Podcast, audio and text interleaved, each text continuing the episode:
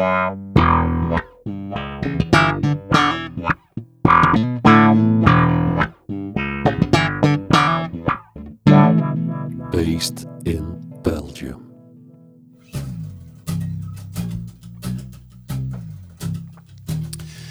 Welkom allemaal bij deze dertiende aflevering van onze Bas-podcast Based in Belgium, waarin we telkens één iconische Belgische bassist aan de tand voelen over het reilen en zeilen in zijn of haar muzikale leven.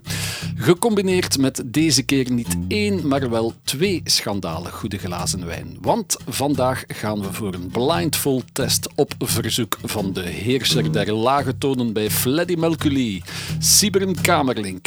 Misschien zit het masker dat hij bij deze unieke Nederlandstalige metalband draagt er wel voor iets tussen dat u niet meteen een gezicht op Sibren kunt plakken. Wel, geen nood, want u kent deze razende Brusselse cat misschien nog uit zijn verleden als bassist bij Die live vanaf 2014 een ware rock'n'roll comeback maakte op alle grote Belgische en Hollandse festivals met de fanfare als begeleidingsband. Een fanfare zonder blazers, maar met des te meer ijzeren en metalen decibels. Opgericht door Sibren en zijn broer Jeroen Kamerlink, oftewel Fleddy hemzelf. Als Nederlandstalig buitenbeentje in de metalsector bleef de fanfare onterecht onder de radar opereren, maar met het als grap bedoelde t-shirt van Metallica onder het alter ego Fleddy Melculi brak sinds 2016 alle hel los en besteeg Sibren basgewijs letterlijk elk van het zwaardere genre. Graspop, Pukkelpop, Zwarte Cross, Groesrock en vele, vele andere uh, festivals. Tot zelfs de support van Guns N' Roses op Werther Classic. A dream come true voor deze zware jongen die daarnaast ook eclectischer muzikale wegen bewandelt.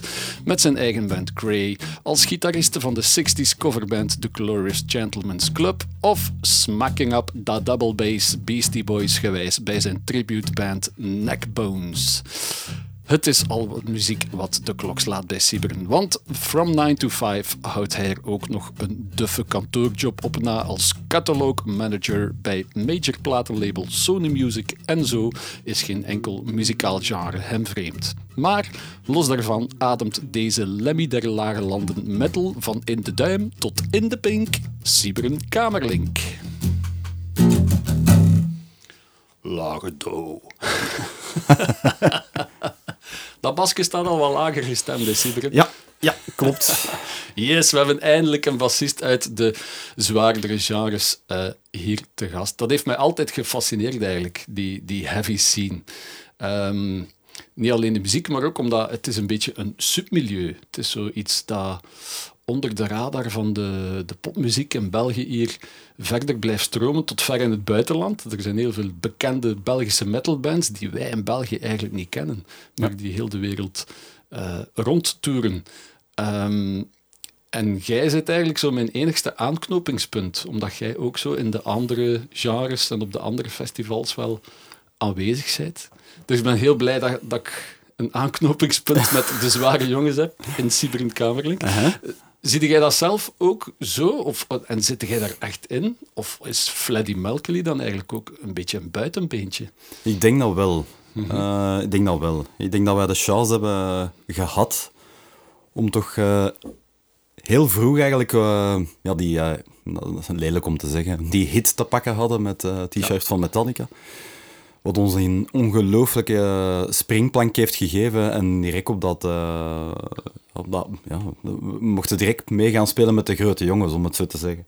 En waren die grote jongens direct onder de indruk of hadden die iets van wat voor zeveraars zijn dat met die t-shirt van Metallica? Ik kan me inbeelden dat de, de heel credibele metal guys toch niet direct happig waren om jullie met open armen te ontvangen. Oh, er is, uh, ja, mijn broer gaat daar een veel beter antwoord op kunnen geven, maar er is inderdaad wel wat backlash geweest, maar dat viel al wel eigenlijk allemaal nog mee. Uh, ja, ja. Um, we kregen uit, uh, kan je zeggen dat, ik, dat, dat, ik denk dat wij uit onverwachte hoek eigenlijk meer support hebben gekregen dan, dan dat we backlash hebben gekregen. Dus ja, ja. Nu op dat vlak hebben we, hebben we niet te klagen. Nu natuurlijk, ja, die, die band waar dat het dan goed gaat en dan die kansen krijgt en die in, hits in ehm, songs gespeeld zien worden op radio, ja, natuurlijk krijgt dat, krijg je dan wel een, een zekere gezonde vorm van jaloezie eh, te maken. Maar dat was, nooit niet, eh, dat was nooit niet onder de gordel. Of, of... Langs de andere kant, ja, ik zit dan weer op de, op de achterbank van, het, eh, van die hoge bomen die veel wind vangen. Ja. Dus ehm, ik denk dat Jeroen wel andere spreekwoordelijke stront heeft moeten, moeten slikken, maar Ja. maar ook hij geeft aan dat het eigenlijk best wel meeviel. Dus, ehm, Ja, want Franke de Smet van Damme stond met open armen klaar. Ja. Eh, Ja. Deviate, een van de grote voorbeelden van, van Jeroen, denk ik, die, die hebben jullie ook direct wel Ja. mee verklaard tot wauw, dit is echt wel muzikaal ook. wel, Niet zomaar een eendagsvlieg. We hebben ook altijd, eh, we hebben ook altijd eh, praise gegeven aan die gasten. Mhm. hè. het, is, het is van hen dat die inspiratie ook is gekomen. Live hebben we dat ook altijd proberen doen. Ook bijvoorbeeld bij, bij de Freddy Palooza's dat we in eh, AB hebben gedaan. Die bands daar ook gezet, tribute gedaan, covers Ja. gespeeld, die mannen mee op dat podium. Ja, voor ons was het ook kicken. Hè? Ik bedoel, eh, wie, wie had dat gedacht? Om nu terug te komen op, eh, op uw vraag. We, zijn, we hebben direct ook mogen gaan meespelen tussen... het is ook een ding geworden op Studio Brussel. We gingen dan mee ook in Ja. die afrekeningen. En dan er zo... mm, Niet zozeer alleen in dat metalcircuit terecht, maar ook meer in het... mainstream, dat is een lelijk woord, hè, mainstream. ja maar dat was eh, jullie ook totaal niet vreemd, aangezien dat jullie als de fanfare daarvoor, daar gaan we het straks nog over hebben, Ja. al met Urbanus natuurlijk heel veel mainstream tussen aanhalingstekens gedaan hadden. ehm. Maar we hebben die mainstream duw in de rug meegekregen. Dat heeft... ehm, ja, dat maakte het anders, hè. In mijn ogen echt wel een, een frisse wind die de, de metal scene ook kon gebruiken eigenlijk hier in, in België. Er was eindelijk iets fris, iets, iets nieuws. Ja, ik denk dat we een heel goede... Nee, allee, we. Ik zeg altijd we. Ik heb het privilege om bij Fleddy te mogen Ja. spelen, maar het is vooral... eh, alle krediet gaan naar... eh, of, of toch het, het meeste krediet gaat naar Jeroen. Ehm, maar hij heeft een niche kunnen... Inderdaad, zoals hij aangeeft, een niche kunnen invullen in die markt. Waar dat eigenlijk nog niemand... ehm, of toch al lange tijd niet meer... ehm, heeft durven aanraken of, of, of iets durven in opzetten. Of daar dan al sinds toch niet in geslaagd is om, om het grote publiek te bereiken. Dus. Ja, voilà. Dat is de reden waarom dat jij het ideaal aanknopingspunt bent met de Ah, zwaardere genres, vind ik dus. Ben geflatteerd. Ik ben heel blij dat je er bent, maar eh, kijk, voilà. Wat een belooft om eerst iets te drinken, dus first things first. First things first. First things first. En Sibren, dankzij ja, jouw komst hebben we een primeur in deze onheilspellende dertiende aflevering. Oh, wat Goed, hè? betreft de wijn. Ja, ja. Je had een heel speciaal verzoek toen dat ik u opbelde. Hè? Eerst even iets uit de wereld hebben. Ik ben hoegenaamd geen wijnkenner. Eh, ik drink graag wijn. Ehm, maar Yes, ik, ik kan nog al altijd... Ik, eh, ja, ik kan niet zeggen dat ik, eh, dat, dat ik er effectief ook iets, iets van ken. Ik kan, ik kan wel zeggen, ik vind dat een lekkere wijn. Maar als ze aan mij vragen, wat is uw, wat is uw go-to wijn? Ik kan, daar, ik kan daar eigenlijk geen antwoord op zoals in de muziek, hè. De- Ja. het publiek kan iets lekker of mooi of goed vinden, maar ze hoeven eigenlijk niet te weten Nee, hoe goed of hoe slecht dat, dat gemaakt is. hè. Nee, het is dat. En ik word, ik word wel eens graag verrast als iemand zegt van, amai, dat is, dat is nu echt een goede wijn. En dat is dan ook een goede wijn, dat is zo... Dat is heel fijn. De, de wijn, ik, ik, ik kan er niet aan doen. Ik ben, eh, ben nogal iets dat divers onthoudt uit films. Ja, ja. Eh, nutteloze... Volgens mij is dat iets mannelijk trouwens. Nutteloze weetjes. Nutteloze weetjes. Maar er zijn zo dingen in films die mij, die mij bijbrengen. Mhm. Ik, heb, ik heb het heel graag het, eh, het in beeld brengen van bepaalde dingen die u goestings gegeven uit een Ja, film. ja, ja, ja. Bijvoorbeeld Quentin Tarantino is daar heel straf in. Ongelooflijk. Ehm, ja. eh, die geeft u ook altijd ehm, heel veel goesting om te roken. Kan er niet aan doen. Eh, in Pulp Fiction doet hij dat ook. De 5 dollar shake. Ja, ja, ja, ja, ja, ja. Allee, ik, ben, ik, ik drink hoegenaamd niet graag eh, milkshakes, maar daar dacht ik van, ah, wel, daar wil ik nu ook wel eens van proeven eigenlijk. Oké. Maar, En is het ehm, van Tarantino dat uw wijngoesting dan Nee, komt? nee. nee, nee, het is Ik- iets, iets wel- heel anders of zo. Mijn, mijn, mijn pa was ook een, een hele grote Bond eh, filmfanaat. Ja. En Bond is ook, uh, connoisseur, you know, I have the Bollinger 67. Yes. Eh, ik weet niet welke Bond ik hier nu aan het nadoen was, maar goed. Uh, het zal een hybride tussen Roger Moore en Sean Connery geweest zijn. Ja, de, de Bollinger 67. um, en daar zijn, ja, die, die namen, dat bleef wel wat hangen als je dan, uh, ja, als je dan uh, op restaurant en je pakt de kaart erbij en zo, Bollinger. Maar er is één specifieke type wijn of naam dat bij mij altijd mm -hmm. is blijven hangen. En ik dacht dat het uit een Bondfilm kwam, maar ik heb me dus lelijk vergist. En dat okay. komt blijkbaar uit een aflevering van Faulty Towers. Yes, het geweldige Faulty Towers. Ja. En als, ik, als je recht ik... voor u kijkt in mijn platen- en boekenkast, zult je daar de volledige box van uh, Faulty Towers zien. En als ik het goed heb, misschien dat je me daarop kunt corrigeren. Ik denk dat het de aflevering is met de Hotel Inspector. Ah, ja, dat zou kunnen. Ik weet het eigenlijk niet van buiten. Ik zou ja. nog eens moeten... Uh, de, de scène Corked Wine. Ja, wel, en dus er is dan verwarring over wie dat dan de hotelinspector is. En ja. de vermoede hotelinspector bestelt een bepaalde fles wijn. Ja, en ja, dat was... Al have de Corton 68. De Corton 65. 65. Ja. En Basil moet ze open doen. Ja, en dat lukt niet. Ja. En het wordt uh, trekt de kurk kapot. Ja. Uh, hilarische scène. Anyway, uh, long story short, wat dat slang is voor ik maak mijn verhaal nog langer. Um, de Coton, ja, het is mij altijd bijgebleven. En ja. een tiental jaar geleden ging ik bij ons de lokale supermarkt binnen. En wat stond daar in de wijn, Remo? Corton. De Corton. En ik dacht, oh, ik zag toen dat prijskaartje eronder onder hangen en daar stond op 99 euro. En ik dacht, holy shit. Ik heb nooit niet over mijn hart gekregen om de fles wijn te kopen, maar al, elke keer als ik voorbij die fles wijn liep, had ik zoiets, ja, 99 euro, hoe zou dat smaken? Ja, zou, dat nu, zou dat nu de moeite waard zijn om, om, om te kopen, 99 euro? Ja, Allee, ja. Voor sommige mensen is dat waarschijnlijk, uh, maar ja, uiteraard, tuurlijk dat. Maar voor mij bleef dat toch, ja, dat bleef toch een uh, zekere grens dat ik toch dacht, ja, allee, kom aan, één fles wijn met vier man. Elke glas en het is, uh, het is al, daar, daar is uw 99 euro. Dus ja, Ja. dat is mij altijd bijgebleven. Dus Ja, ik denk dat het heel herkenbaar is voor veel wijnliefhebbers hè, en luisteraars ook, die zich afvragen van, is inderdaad zo'n hele dure fles, is, is de, de meerprijs, smaakt je dat ook? Is, is het dat ook waard? Ja. Uh, daarmee dat het wel een, een, leuke uitdaging is in deze dertiende aflevering om uh, de Corton uit uh, 2014 uh, vandaag is te vergelijken met, met ja, iets, iets dat ermee zou kunnen concurreren. We gaan eens decadent doen. Hè. Het is de dertiende aflevering. Ik vind dat een schoon rond getal. ik ook. Dus uh, voilà. In het magazijn van Vitis Vin in Drongen lag er natuurlijk nog een fles Corton van 2014. Noblesse oblige, anders zijt je geen serieuze wijnhandelaar, denk ik. Mm -hmm. Uh, voilà. Maar we willen dan uh, vooral testen nu of de smaaksensatie dan zozeer het prijsetiket waard is. Dus we gaan blind, echt blind, deze topwijn vergelijken met uh, eenzelfde soort Pinot Noir, want dat is de druif uh, die in Corton verbouwd wordt, die slechts een derde van de prijs kost.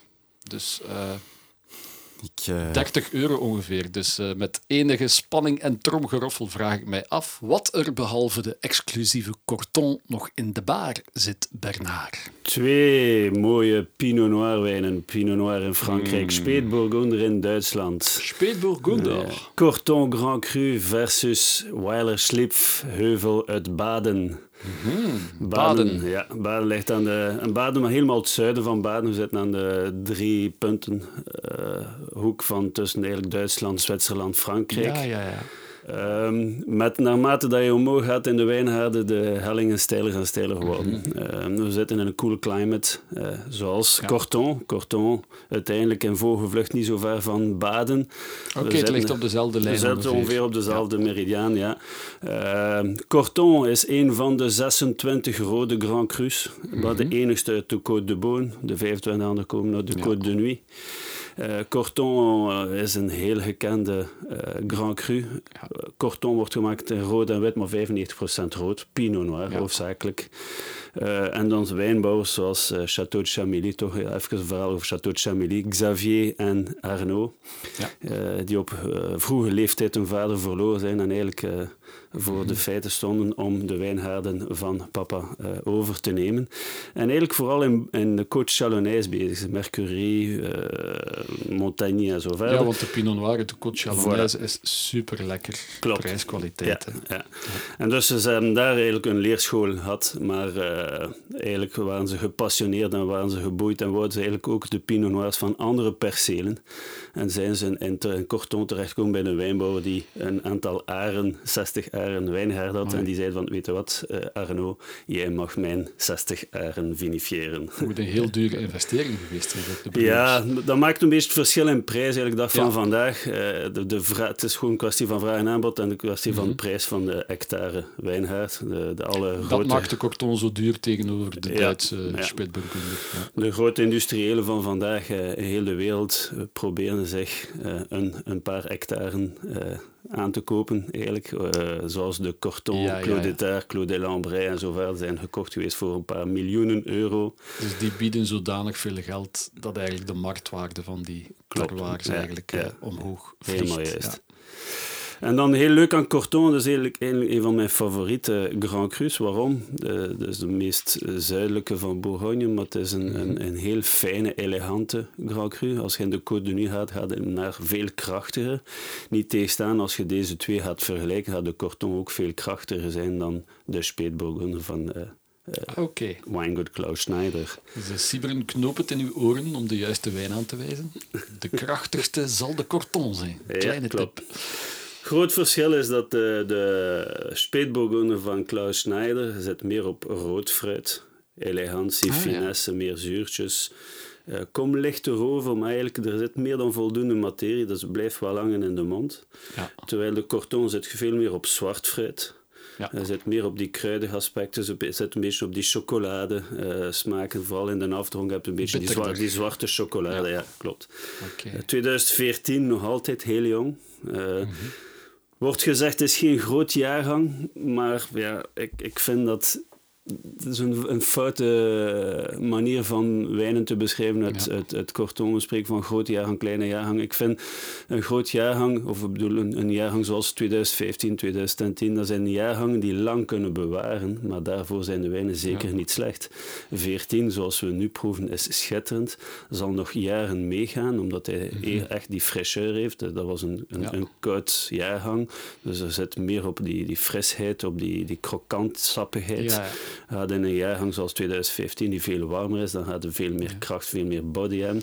En dus gaat 2014 zal beter in de mond leggen in de vroegere jaren en de 2015. Ik ben ervan overtuigd dat we vandaag termijn. 14 en 15 naast elkaar zou iedereen ja. zeggen, laat mij maar 14 uitdrinken. Ja. Laten we die twee flessen binnen 10 jaar okay, opnieuw proeven. Ja. Dan gaat 15 hoogstwaarschijnlijk beter proeven dan 14. Wauw. Voilà. Dat is het boeiende aan wijn. Hè. Het evolueert constant. Hè. Ja. Maar het blijft toch wel heel complex. Pinot Noir is toch wel echt een, een heel boeiende druivenras. Ja. ja. Met een heel duidelijk karakter ook, hè, Pinot Noir. klopt. Ja. Pinot Noir drink ik altijd fris, bijna zelfs rechtstreeks uit de koelkast. Komt deze ook best tot zijn recht? Op koele temperatuur of toch beter een beetje laten Hangt af opnieuw van zijn oorsprong, hangt af van de jaargang. Mm hoe jonger de wijn, hoe frisser dat ik ze ook graag schenk. Dan ga ik ze ook liever uit mijn wijnkast aan 12 graden uithalen. Okay. Uh, komt de sappigheid nog beter uit. Uh, eens dat de Pinot Noirs of die Grand Crus uh, een bepaald aantal jaren hebben, als ze 10, 20 jaar mhm. oud zijn, dan ga ik ze liever laten chambreren, opentrekken en dan al dan niet kan decanteren. Alles hangt af hoe goed je fles hebt bewaard. Oké, we gaan ze straks voorstellen aan, aan blind. Um, jij kent de twee flessen natuurlijk al. Um, misschien kunt jij je persoonlijke mening geven over... Is het prijsverschil ook het verschil in smaak waard? Want het scheelt toch een dikke 60 euro tussen de twee flessen. Wat mij betreft niet. Vind ik de twee mhm. wijnen schitterend. Ik vind ze alle twee even mooi in hun categorie, in hun uh, structuur, in hun stijl. Ja. Uh, ik zal wel weten, afhankelijk van de gerechten die ik heb, welke fles die ik ga kiezen, mm -hmm. zou ik kiezen. Uh, maar hier het verschil is puur en enkel en alleen maar vraag en aanbod ja. en, en de, de, prijs van een hectare wijnhaard en, en een Grand Cru wijnhaard in Bourgogne. We spreken over meer dan 5 miljoen euro vandaag, dus... Ja. Uh, ik denk dat daar het verschil, dus het grootste verschil zit. Dus qua smaak gaan we bij alle twee de flessen serieus aan onze trekken komen. Ja. Maar de wijnmaker heeft ook altijd zeker een groot belang. De, Dus je kunt cortons hebben. Daar, eh, daar ook heb je groot prijsverschillen tussen bepaalde cortons. Dus de ene corton is de andere niet. Zeker en vast niet. Dus beter een beetje studiewerk op voorhand verrichten voordat je een fles van 90 of 120 of misschien 200 euro in huis haalt. Maar laat ons eerlijk zijn, de mensen die een paar aren corton aankopen of finifiëren, zijn mensen die toch wel iets Weten, afweten van wijn maken. Vandaar dat je heel weinig of quasi geen slechte cortons hebt. Oké. Dus veel geld uitgeven voor een corton zorgt toch voor een zekere zekerheid dat het tenminste een goede wijn zal zijn. Zeker en vast, ja. Oké. Merci Bernard. Alsjeblieft. Oké, allemaal goed en wel, Bernard. Maar eh, ondanks de mooie technische uitleg en de mooie woorden over de twee wijnen, is de vraag natuurlijk: wat is het lekkerste? En de enige manier om eh, daarachter te komen is blind proeven. Dus, uh, ik heb er al een glas nummer 1 gevuld met een uh, rode wijn die qua kleur zeer goed er, lijkt op uh, glas 2. Mm -hmm. Ook een rode Pinot Noir. Ik zou zeggen, neem glas 1 tot u en ja, vertel maar uh, wat dat het, is, met u doet. Het is heel bizar, maar ik voel me enorm geprivilegeerd en ik heb keiveel stress. Oké. Okay. Mm. Echt, uh, wat, geeft de geur al? Uh, met een meug. Ja? Is de, vol. Heel vol. Heel vol. Complex gelaagd? pas. Pas. ja. Iets... Um, ja, vlees. Ik zal er vlees bij eten. Oké, okay, dat is al een goede hint. Mm, ja, dus, ja. Hm. Ik zal het niet uh, associëren met of Duitsland of Frankrijk, om heel eerlijk te zijn. Ja, maar dieper, zuidelijker. Mm -hmm. Ik ga moeten proeven. Hè. Ja, is het de Corton of is het de Spätburgunder? We weten het nog niet. Wauw.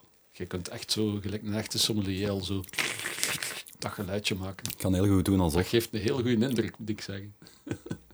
mm. Amai. Nummer 1 is heel lekker. Ja? ja, heel En goed. ook echt uw ding. Want Pinot Noir is een beetje wel. specifiek ook. Hè? Niet iedereen is echt zot van ah, ik drink dat wel graag. Ja. Nou, dank u, mama. Ja. Die drinkt dat ook graag. Wilt je een beetje water ertussen ja. om um, te paletten reinigen. Ja. Even het paletten wegwassen, dames en heren.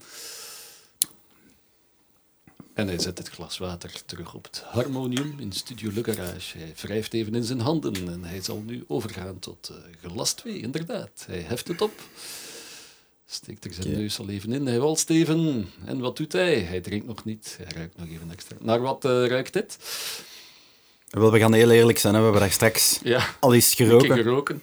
en uh, het is ja, aspergepipi, hè. Ah, heerlijk. ik ruik dat zo graag. Je hebt veel witte wijn die ook zo naar aspergepipi ruikt.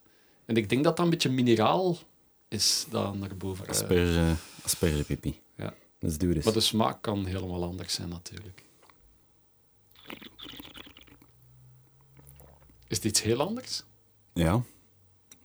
Is het nog Pinot Noir? Het is een beetje teleurstellend, moet ik heel eerlijk toegeven. Ja? Tegenover het is, het is snel eerste. weg. Ah, Oké, okay, het blijft niet zo lang hangen. Nee. Dus er is een, een bredere, ruimere afdronk bij glas 1. Ik hoop, ik hoop dat dit uh, Pinot Noir was. En de Spätburgunder 2. Mm. Ja. Dat smaakt heel zoet en Ja. frisser dan de andere.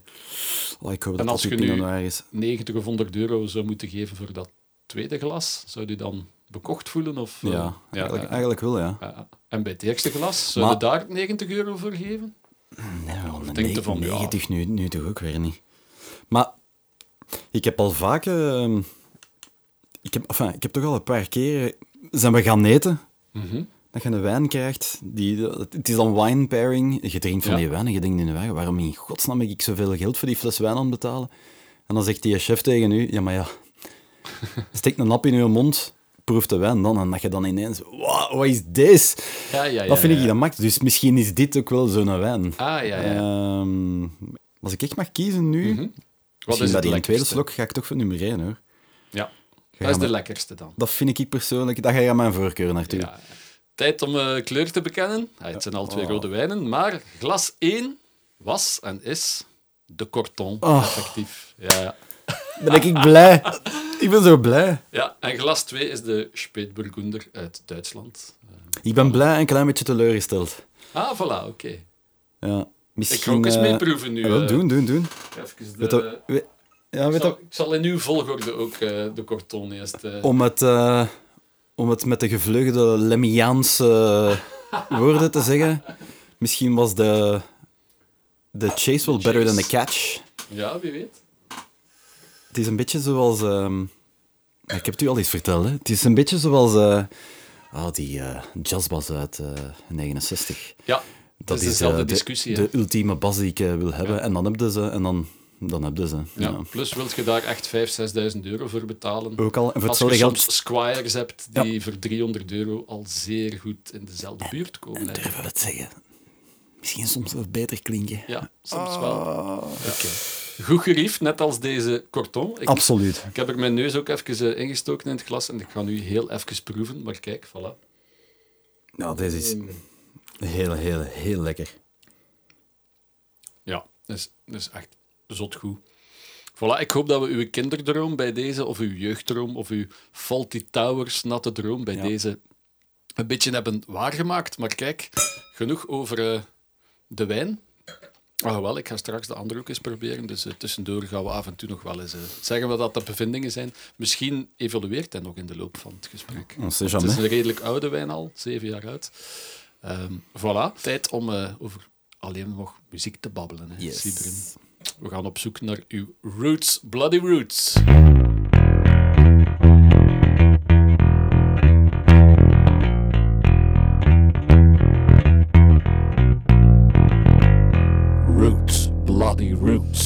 roots. Bloody roots. Deze keer wel heel toepasselijk, aangezien we in het zwaarder milieu zitten met Sieberin Kamerlink. Sieberin, de allereerste keer dat ik u op een podium live zag spelen, dat was met De Fanfare. Dat klopt. Een beetje de, ja, de voorloper van, eh van Freddie Mercury. Op de finale van God Betert, de NECA-wedstrijd 2005. Amai, meen je Zit dat? dat nog in uw geheugen ergens? Het was wel in de AB. Dus dat was wel al een fantastische setting. Maar ik weet nog dat de, de jury, waar dat ik ook deel van uitmaakte, de dingen die daar allemaal gezegd werden, dacht ik van, oh guys, kom aan. Er is nu een keer iets totaal anders in het Nederlands. Oké, een buitenbeentje, maar het mag eens een andere richting op gaan. En toen bleek dat bepaalde ja, oudere krokodillen het alleen maar hielden op dat is niet verstaanbaar en dat dialect en die harde muziek. En ja, dat was not done. Hè. We waren al 2005. Is er bij u nog iets? eh, Ja, is ja, er ja. nog een trauma dat jullie toen in de finale gefnuikt zijn? Of, eh, Nee, helemaal... maar jullie gi- gingen er wel heel hard voor, hè? En Wat? altijd al. Ja, ja, ja dat, is, dat is altijd al zo geweest. In alles wat wij hebben gedaan, eh, is er gewoon voor gaan. En live moet dat daar ook staan. Ja. Ehm, en ja, die Nika-wedstrijd... eh, de van, de van de wedstrijd zelf is er niet al te veel blijven hangen. Ik heb dat waarschijnlijk al kapot gedronken. Eh, roots. Nee, nee. Ja, Ehm, Stella Artois was ook eh, toen nog de, toen al de, de sponsor van AB. hè. nee, nee, maar dat is al 16 jaar geleden. Er is ondertussen wel al wat gebeurd. Ehm, Amai, en in goede zin, hè, want jullie hebben eigenlijk die juryopmerkingen volledig kunnen wegwimpelen met een grote glimlach nu. Hè? Ja, dat klopt. Dat klopt. Ehm, ik als ik me niet vergis, zaten wij in hetzelfde jaar als buurman ook. Ja, die zijn toen eeuwige tweede geworden, want die Ja. waren toen al een paar keer tweede geëindigd. En ik weet dat Noppes toen gewonnen heeft. De band rond Roy Arnoud, die nu vooral aan het acteren is, Ja. maar die toen ook een band had. Ja, klopt. klopt dat Ehm, ja, inderdaad. ja. Ja. Ja. Dus, eh, ja, maar pas op, dat was tof. Hè. Dat was een toffe sfeer ook tussen Een die heel mensen. gezelschap wel. Ik vond dat een heel goede editie. Ja. Absoluut, absoluut. Ehm, over die jury, ja, dat gaan we nu in het midden laten. Maar, ehm, Natuurlijk. Als je dan ziet dat je in 2017, denk ik, dan in een volle AB onder jullie eigen eh, Freddie Mercury vlag dan staat, met gasten als Deviate, die dan ook even komen meedoen, Ja. dan is het wel bewezen dat jullie bij het rechte eind al hadden. Ja, ja, maar daar, allee, ik, het is nu niet dat we daar, eh, dat daar aan kunnen is of zoiets, of dat we die Mhm. mensen iets kwalijk nemen. Ja, ik snap dat ook wel. Dat, is een, dat was een... Het is een profiel van een wedstrijd Ja, natuurlijk. hè. en het is een vehikel dat, dat heel wat andere dingen heeft voortgebracht. eh, voortgebracht. Eh, maar ik, ik wil er nu van maar ik denk dat we nu kort ervoor of daarna hebben wij ehm, de Nederpopprijs. Ja, juist. Die hebben we dan gewonnen. Ja. Ehm, en dan mochten wij het op het Van Eigen Bodem Festival gaan spelen in Zwolle. en dan stonden we daar wel ineens voor uh, 4.000, 5.000 man. Hè. Dus uh, Alright. ik zoiets van, ja, een fucking mega nacht. Eh, en dan ik had het strijd, ehm, ziet ons hier nu staan. Ehm, En, en basgewijs, als bassist, waar zat jij toen in uw perceptie, toen dat je met de fanfare 2005, een van de eerste keren, denk ik, in de AB stond? Waart je toen nog een, een jong haantje die eigenlijk nog niet veel eh, gezien had of gedaan had? Ehm, al, al, al gedaan had. Uh, maar ik, ik, was wel nu in een positie gekomen waarbij ik op een andere manier moest beginnen bassen. Um, uh, in Ah, de ja. zin van, we, waren, um, we zijn altijd gestart met twee, op, twee uh, gitaristen. Mhm. En een band met twee gitaristen, er zijn heel veel uitzonderingen daar niet van, maar een band met twee gitaristen wil vooral zeggen dat een bassist een dienende rol zal hebben.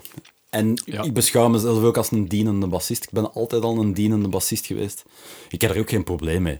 ja. Ehm, In het zwaardere genre ja, boeft de, de slag, de ritmegitaar in het laag ook al heel veel op natuurlijk, om die massale geluidsmuur te kunnen maken. Ook al, ook al. Dus je zet de fond, hè. De fond. Uh, Dat is er ook ingedramd geweest door mijn broer, heel, heel jong. Van, je, moet, je moet de basdrums volgen. Stay low. Ja, stay low. Houd vooral de, bas, de basdrums aan het ritme, maak het groovy. Ja, ja, ja. Um, en dat is mij altijd wel bijgebleven. Maar ja, die een bassist. Maar op die moment, uh, één gitarist viel weg. En dan moeten we een andere rol beginnen, uh, beginnen opnemen Ja, ja. als bassist binnen een band. En um, wij hebben toen opgenomen bij Ace geweest, Ace Sec. Uh, ja, in Oostende, ja. de Oceanside Ja, het was toen nog in Oostkamp. Die helaas toen, niet meer bestaat. Nee, nee. Uh, het was toen nog in Oostkamp. Uh, maar die heeft me daar toen, die heeft me daar ja. toen dingen laten doen. Uh, van, op, qua producer fantastisch. Die heeft mij... Ja. Met ondertiteling natuurlijk. Ja, ja. Hey Simon, weet je ja. oh, wat voor je bas had ik vijf DI's en vijf amps op elkaar. Ja, wel gelacht, gelacht. Ik denk dat ik... Uh, ik heb toen opgepakt op een Riekenbakker. Uh, en ik denk de dat Lemmy ik... Bass. De Lemmy Bass. Ja. En ik denk dat ik door een DI en simultaan door vier amps ben gegaan. Ja. Drie oranges en een ampeg. En een Marshall. Alright. Dat was niet te geloven. Ja, je kon dat signaal al splitten sowieso met die dingen, Ja. met, die, uh, met die rekenbakker. En dan heeft hij een sound. Maar in, ieder- enfin, los van de sound heeft, me, heeft hij mij daar wel dingen laten spelen dat ik denk van, uh, oh. En dat was on the spot. Ja, nu moet ik creatief zijn. En nu moet het daar en nu moet het daar dat gat op gaan vullen. Mij altijd in het achterhoofd houden. En Jeroen heeft dat ook heel veel gehad in de, in de studio. Van, ja, ik moet dat wel live kunnen spelen, hè, man. Ja, ja. Ik heb daar een, ik heb daar een, een riff moeten inspelen waar we met drie handen op, op de nek bezig waren. Dat ik dacht, ja, maar eens, dat kan ik toch live niet spelen? Allee, wat is dat nu? En toen heb ik wel op een andere manier moeten beginnen bassen. En dat heeft me wel... ehm, Dus andere manier, er viel één gitaar weg. Je Ja. moet veel meer druk, fysiek ook maken Ja. vanuit het lage. Echt, eh, de, Ja, de move moet nog veel meer aanwezig ja, zijn. maar je moet ook muzikaler beginnen bassen. Ehm, allee, kijk maar naar de, de, de grootsten der aarde. Ze springen er allemaal uit. Hè. Kijk naar Paul McCartney, die zijn baslijn, dat is fenomenaal. Hè. Ja. Ehm, ah, er, zijn, er zijn voldoende voor. Zie John Entwistle bij The Who, eh, John Paul Jones bij Led Zeppelin. Alleen nu ben, ik ben nu echt wel de, de, de grootste der grootste aan het uithalen. Maar haalt die bas uit die muziek uit en dat valt op Ja. zijn gat. Hè. Ehm, Dus met muzikaler bedoelt je dat je ook harmonisch, melodisch, Ja. veel meer richtingen moest beginnen Ja. uitgaan. Want de bassisten die je net opnoemt, die zitten constant te freewheelen tussen ja, de lage regionen van de gitaar en de echte diepe bastonen. Hè? Klopt, en dat zijn, dat zijn technisch heel vaardige muzikanten. Maar ik vind dat die virtuoos zijn op een andere manier, bijvoorbeeld. Die zijn muzikaler veel virtuozer. Ja, ja. Ik vind dat, persoonlijk vind ik dat veel aantrekkelijker dan, dan, dan 26 noten met je pin kunnen spelen. Ja, op, ja. op, ehm, ja, Paul McCartney, dat is een virtuoze muzikant is dat. Hè. Bedoel, Absoluut. dat, is, dat is fantastisch. Maar bijvoorbeeld ook, ja, in, in België zijn er ook eh, zijn er heel wat voorbeelden waar ik vind dat die, eh, punt dat ik net aanhaal, een muzikale bassist moeten Mhm. zijn. Er zijn wel een aantal voorbeelden dat je kunt zeggen. Ja. Ehm, een heel recent voorbeeld is bijvoorbeeld ehm, een, eh, Peter van Brutus, om nu in ons genre te blijven. ja, ja, ja. Fantastisch wat dat Stijn op, eh, op gitaar doet, maar wat dat Peter daaronder ligt en wat een sound dat hij daaronder ligt. Ja, ja. Fuck. En live ook, hè. die heeft daar dan 26 amps staan. maar niemand klinkt in België zoals dat hij klinkt, met voilà, die, voilà. hoe dat hem die precision nu klinkt. Dat is, eh, dat. Ik vind, ja, daar, daar worden dan jaloers op. Dus als je op zo'n manier die, die, die invulling kunt doen binnen een band, en op die moment heb ik dat, heb ik dat wel moeten doen. En ehm, hoe, ehm, hoe is het eigenlijk voor de fanfare eigenlijk allemaal gegaan? Kom jij ook klassiek uit de muziekschool, nootjes geleerd en dan plots voelen van oei, ik wil toch iets anders gaan doen dan braaf. eh. Hoe is de basgitaar in uw leven gekomen? en hoe zijn er dan specifiek eigenlijk in, in de zwaardere genres beland? Want dat Nou, is wel. altijd wel geweest bij u. hè? De, de hele rode draad door het verhaal is, eh, is, is mijn broer geweest. Die eigenlijk ook in elk project Pretty much. zit en gezeten heeft bijna. Ja, waar ja. jij Dat klopt, dat klopt. laat zien, hè? Eh, Ja. hoe, is, hoe, is, hoe ben ik er eigenlijk toe gekomen? Ehm, Jeroen was al actief eh, muzikant. Ik, eh, ik was vroeger, ik speelde vroeger basket als kind. Ik heb het Mhm. tot mijn 13 eigenlijk uitgehaald en dan op korte tijd veel te veel, eh, ehm, veel te veel dingen voor gehad aan mijn benen. Enkel gebroken, kuitspieren gescheurd. Op den duur zei de dokter van, kom, stop er maar mee, Kappen. want het komt niet goed. Nu, dat gezegd zijnde, er is nu niet bepaald een groot talent aan mij kwijtgeraakt. Ehm, maar ehm, ja, met dan te stoppen, dan professioneel couch potato geworden. Oké. Eh, en dan zeker Jeroen Kamerlink, die kon dat niet meer aanzien. En die zei, jongen, doe die ziet met je leven, alstublieft. Pas op, ik was 13, hè. Hij is de Doe oudere broer van Ja. de twee dan. Ja. Ja, zes jaar verschil. Eh, dus die had al wel wat gezien. En ehm, ja, op je dertien dan te horen krijgen, doe eens iets met je leven. En dan eh, hij zei tegen mij, ja, maar waarom probeerde je geen, eh, geen bas te spelen? Wij hebben bij Grey, toen, de toenmalige band, wij hebben geen bassist, we zouden een bassist kunnen gebruiken. En, ehm, maar dat gaf mij al meteen iets voor naar uit te kijken. Oké. En hoe is dat dan begonnen? Thuis? eh, En, en bas was iets dat je al gehoord had in muziek? Dat was je al opgevallen? Of je waart ik was een klassieke verhaal van, we hebben nog een bassist nodig, degene die overschiet moet maar basgitaar spelen. Mm, Nee. Dat klinkt heel negatief, vind Ja, ik. dat je, hoe dat Nee, je maar het- maar komt er wel basic. groepjes, komt er De- wel ja. basically op, nee. Onze pa vroeger nog eh, gitaar gespeeld ook, dus die had nog een oude Spaanse gitaar eh, liggen thuis. En ik dan eh. Max Cavalera gewijs de, de hoogste snaren afgehaald.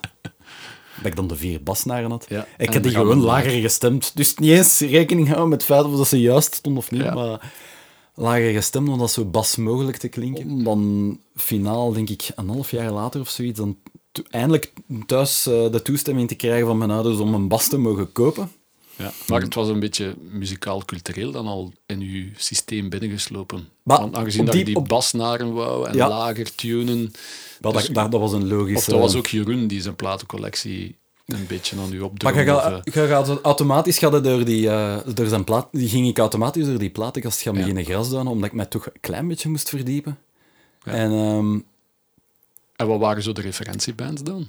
Om mee te beginnen als metalbassist. ja, dat was, in die tijd was dat Korn, Ja, Eh, jaren 90, Korn. jaren ja. 90. hè. Fantastisch. Korn, Maar ik moet, moet daar nu wel een, een klein beetje kanttekening bij maken.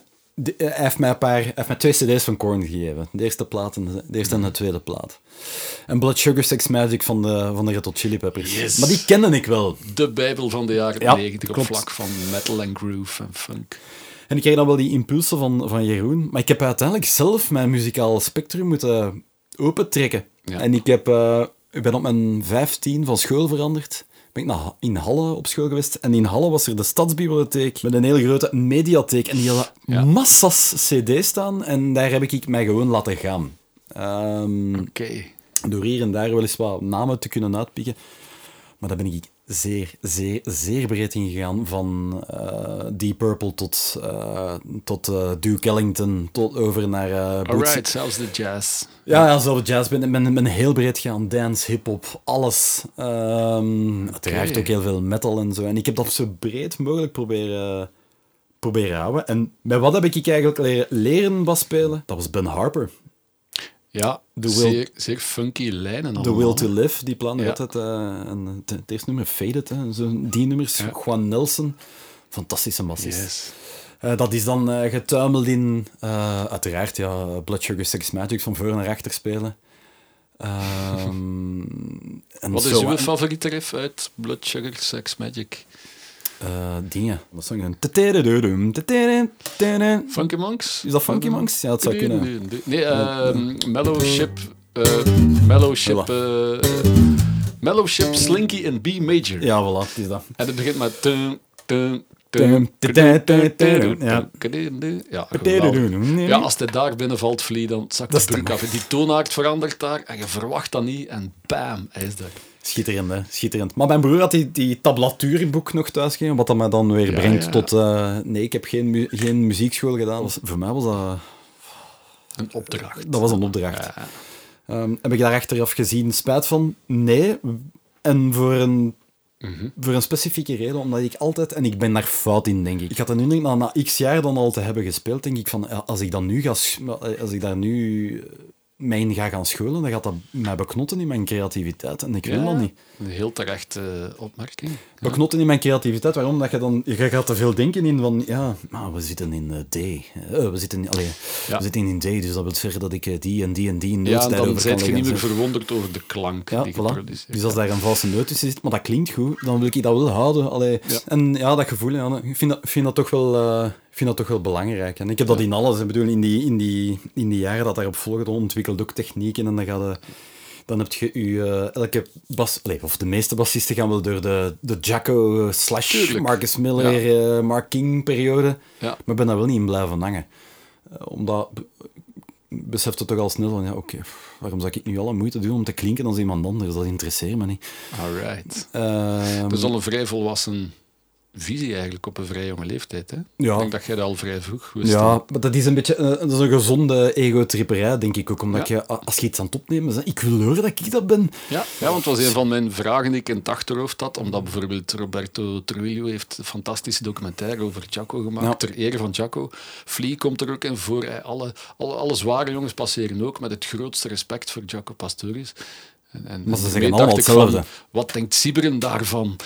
Eh, ik vind het heel tof dat je eigenlijk zegt van oké, dat is wat dat is, maar it's not me. En ik moet mijn ding doen. En in 2016 is plots die een t-shirt van Metallica, de grap van uw broer, eigenlijk min of meer vanuit zijn slaapkamer gestart, veronderstel Ja, ik. ja, daar is... En ja, alles gaat open, alles ontploft. Nu, er is, ja, er is natuurlijk het, eh het Urbanus-stuk zit daar ook nog wel aan, natuurlijk voor een heel groot stuk tussen. juist.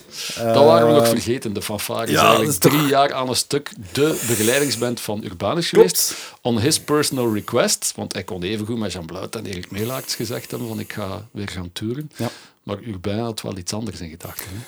Ja, die had iets anders in gedachten eigenlijk. eh. Die beslist dan plots van dat moet mijn groepje worden. Wij, ja, maar het is, het, is, het is stelselmatig gekomen. Dus we hebben, die, we hebben een videoclip met hem opgepakt. We zijn dan blijven contact houden. Zijn we een jaar of een jaar en of later eh, ging, heeft hij de plaat One True T opgenomen met Ja. Jean. Ja. Met Jean. En er was één nummer op Boel en eh, dat wou hij met ons opnemen. Wauw, waar zijn wij hier nu? Want plots ineens stonden wij in de studio eh, En een legendarische Belgische producer ook. met Jean Ja. eh, met Urbain. En, eh, Twee handen op één buik. Twee ook. handen Ja. op één. Dat was, dat was hilarisch. Die mannen die zitten elkaar constant te kakken. Zalig, echt wat eh, geweldig. Ehm dan hebben we dan opgenomen. Ehm, en dan was er, is er een single uit voortgekomen uit die plaat. Dat was dan Zetpilkaar, die met, Iso Ja. met ehm, Isolde Isolde Lazoen ja. heeft opgenomen. Wij hebben dan, dan twee keer live gaan spelen, ook met hem. Dus dan gingen we al zo, ja. Bij Café, Cors, bij Café Ja. Corsair was dat dan. Met Jean bij. Dus, allee, ten eerste al met Jean Blaute, legendarische producer in de studio. Ten tweede mogen we dan nog Café Corsair. En het was nog een. Bucketlist, check, check. Het was bij Lieve van Gils, als ik me niet vergis, dat we daar ook nog eens zijn geweest. Ehm, De vermaledijde minuut mocht spelen. ja, klopt. Ja, klopt, klopt, En klopt. toch ook nog een volle versie voor die vijf man die dan op internet Ja. op zoek gaan naar... Inderdaad, maar ja, plots staat er dan in studio, live met, met Jean, met Urbain, met Isolde op... Ja. eh, dus wij dachten ook, van, wat, wat is dat hier allemaal? Ja. En dan eh, hebben wij dan nog met de fanfare een plaat opgepakt. Eh, Ah en ja, dan- dan kan ik me inbeelden dat de fanfare denkt, nu kan het wel echt gebeuren, want nu staan we on the verge of the Ja. major breakthrough. Ja, Maar het en- kwam net niet. Wel, dat, dat viel dan een beetje samen met dat idee van Urbain van ja, ik zou eigenlijk, wat dat ik nog nooit heb gedaan, is, is, eh, Mhm. is op een podium gaan staan met een band. Eh, altijd in zalen gestaan. En, en dan heeft hij ons die vraag gesteld van, zie je dat zitten? En dan wel, ja... ja, Ja, het is... uiteraard, maar je weet ook op die moment niet wat dat je daarvan moet verwachten. Ehm, hij heeft nog nooit die festivals niet gedaan, maar dan zagen wij die namen binnenkomen van die festivals en wel van, ja, wat, wat is dat hier? Pinkpop, Pinkpop, uh, Suikerrock, uh, wat is dan oh ja, Noem het festival maar op. We hebben er een ja. kast op tien hebben we er gestaan. De Martrox van deze wereld, een ja. maanrook. Um, en dat was zo drie zomers aan een stuk. Um, volle bakken, elke keer duizenden mensen. En het was ook, ik heb het een paar keer gezien, letterlijk vol een bak. Het was het ook was echt, de fanfare ja, moest zich niet inhouden. Maar dat heeft, dat heeft Urbain ook toen gezegd, van ja, ik wil hier geen light versie, dan moet hier vol een bak. Hij zegt, ik wil hier Metallica achter mijn, uh, bij was van spreken, achter mij. En we hebben dat ook gedaan. Um, maar ik moet wel zeggen, het is wel, uh, het, het was wel werken live. Um, op welk vlak? Ja. Is, eh, heeft natuurlijk heel zijn leven alleen gespeeld. Urban heeft heel zijn leven alleen gespeeld. En dat is absoluut in de verste verte een verwijt naar hem. Uh, Maar hij heeft dat ook gezegd, hij kwam daar ook vooruit van... Mannen, uh, ik begin wanneer ik denk dat ik begin en volgt maar. En we hebben dat ook gedaan. Maar ja, voor de gitaristen aan zich was dat... Ça va. Dat, dat, dat, ging wel. Je kunt rond de, de, zang beginnen spelen. Ja, maar de bas en de drum moeten natuurlijk ja, on the wander zijn. Voor ja. Laurens, Laurens de Schutter en ik uh, was dat wel... Uh, we hebben heel, heel vaak naar elkaar gekeken. Oh shit, ja. hij is al begonnen. Zoals ik, ja, zoals ik zei, ja, het, was, het was rock en roll. We hebben elkaar de we hadden ook een talkback micro. Urbij hoorde die niet. Ja, ja. Zeker dat daar verkocht werd. Ja, ja, kan ik mij inbeelden. En het varken uithangen, hè. daar vlogen dode, allez, platgereden katten. Urbij had dat een platgereden kat. Die ja, vloog dan ja. saucissen. Wat is dan de, de keren dat ik die saucissen naar, naar uh, onze drummer heb gesmeten, dat hij niet meer aan zijn snijr kon, omdat die, dat die saucissen daar lagen. Ik heb in de vooruit, een van de laatste shows dat we hebben gespeeld, was in de vooruit in Gent. Um, dat was een stuk dat ik dat uh, de band afging en dat ik uh, alleen moest zingen samen met Urbain. En dat ik de helft van zijn drum gewoon heb weggenomen. Cymbalen, zijn floor alles. En dat, was, ja, dat werd dan, uh, dat werd dan een... Uh, ja, over zingen gesproken, sinds de passages met Urbanus staat hij ook bekend als de Vlaamse Pavarotti. ja, Je kunt het opzoeken op, op YouTube. De Vlaamse Pavarotti, Sibrin Kamerlink. Die ja, ik mocht een, vol met stro. Mocht een keer uithalen. Ja, dus, uh, ja, dat was, dat was, ja, dat, dat, dat, dat was, dat was fun. Hè. Maar dan ja, na, na, die, na die een derde zomer of nee, in het midden van de... Of net voor die een derde zomertournee met Urbain, mm -hmm. had Jeroen ja, thuis in zijn... Uh, in zijn spreekwoordelijke slaapkamer dan uh, is, een, is een, uh, een song opgenomen. Dat was een t-shirt van Metallica. Ja. En dat was toen bezig aan de videoclip van t-shirt van Metallica. En zo. Ah, ja. tof, ja, we zullen wel zien wat dat gaat geven. Hè. Maar t-shirt van... Allee, Geweldige, crappy clip ja, eigenlijk. Hè, ja. Exact. Maar Fleddy was echt geen ding. Hè. Was gewoon Jeroen. Dat was niemand voor de rest. Er was ooit wel een keer sprake om met, met onze, onze nu huidige drummer en, en uh, gitarist wel iets, iets mee te gaan doen, maar dat was niks concreet. Die zet al live en what the actual fuck was dat dan ineens? Uh, dat ging niet gestaag, ja, dat ging gestaag, maar heel stijl ineens ja. uh, nam dat proporties aan dat we nog nooit hadden gezien. Op het gevaar af om een beetje een eendagsvlieg gimmick band te worden. Ja, ja wat dat, dat finale uiteindelijk uh, uh, niet zo is. Maar het ding was, wat dat wij wel hadden, was met die laatste... We wisten dat het ook de laatste tournee met Urbanus ging zijn. Is van, oh shit, we, gaan hier, we zijn op, we zijn op zo'n high en we gaan hier een zwart gat vallen van je welste.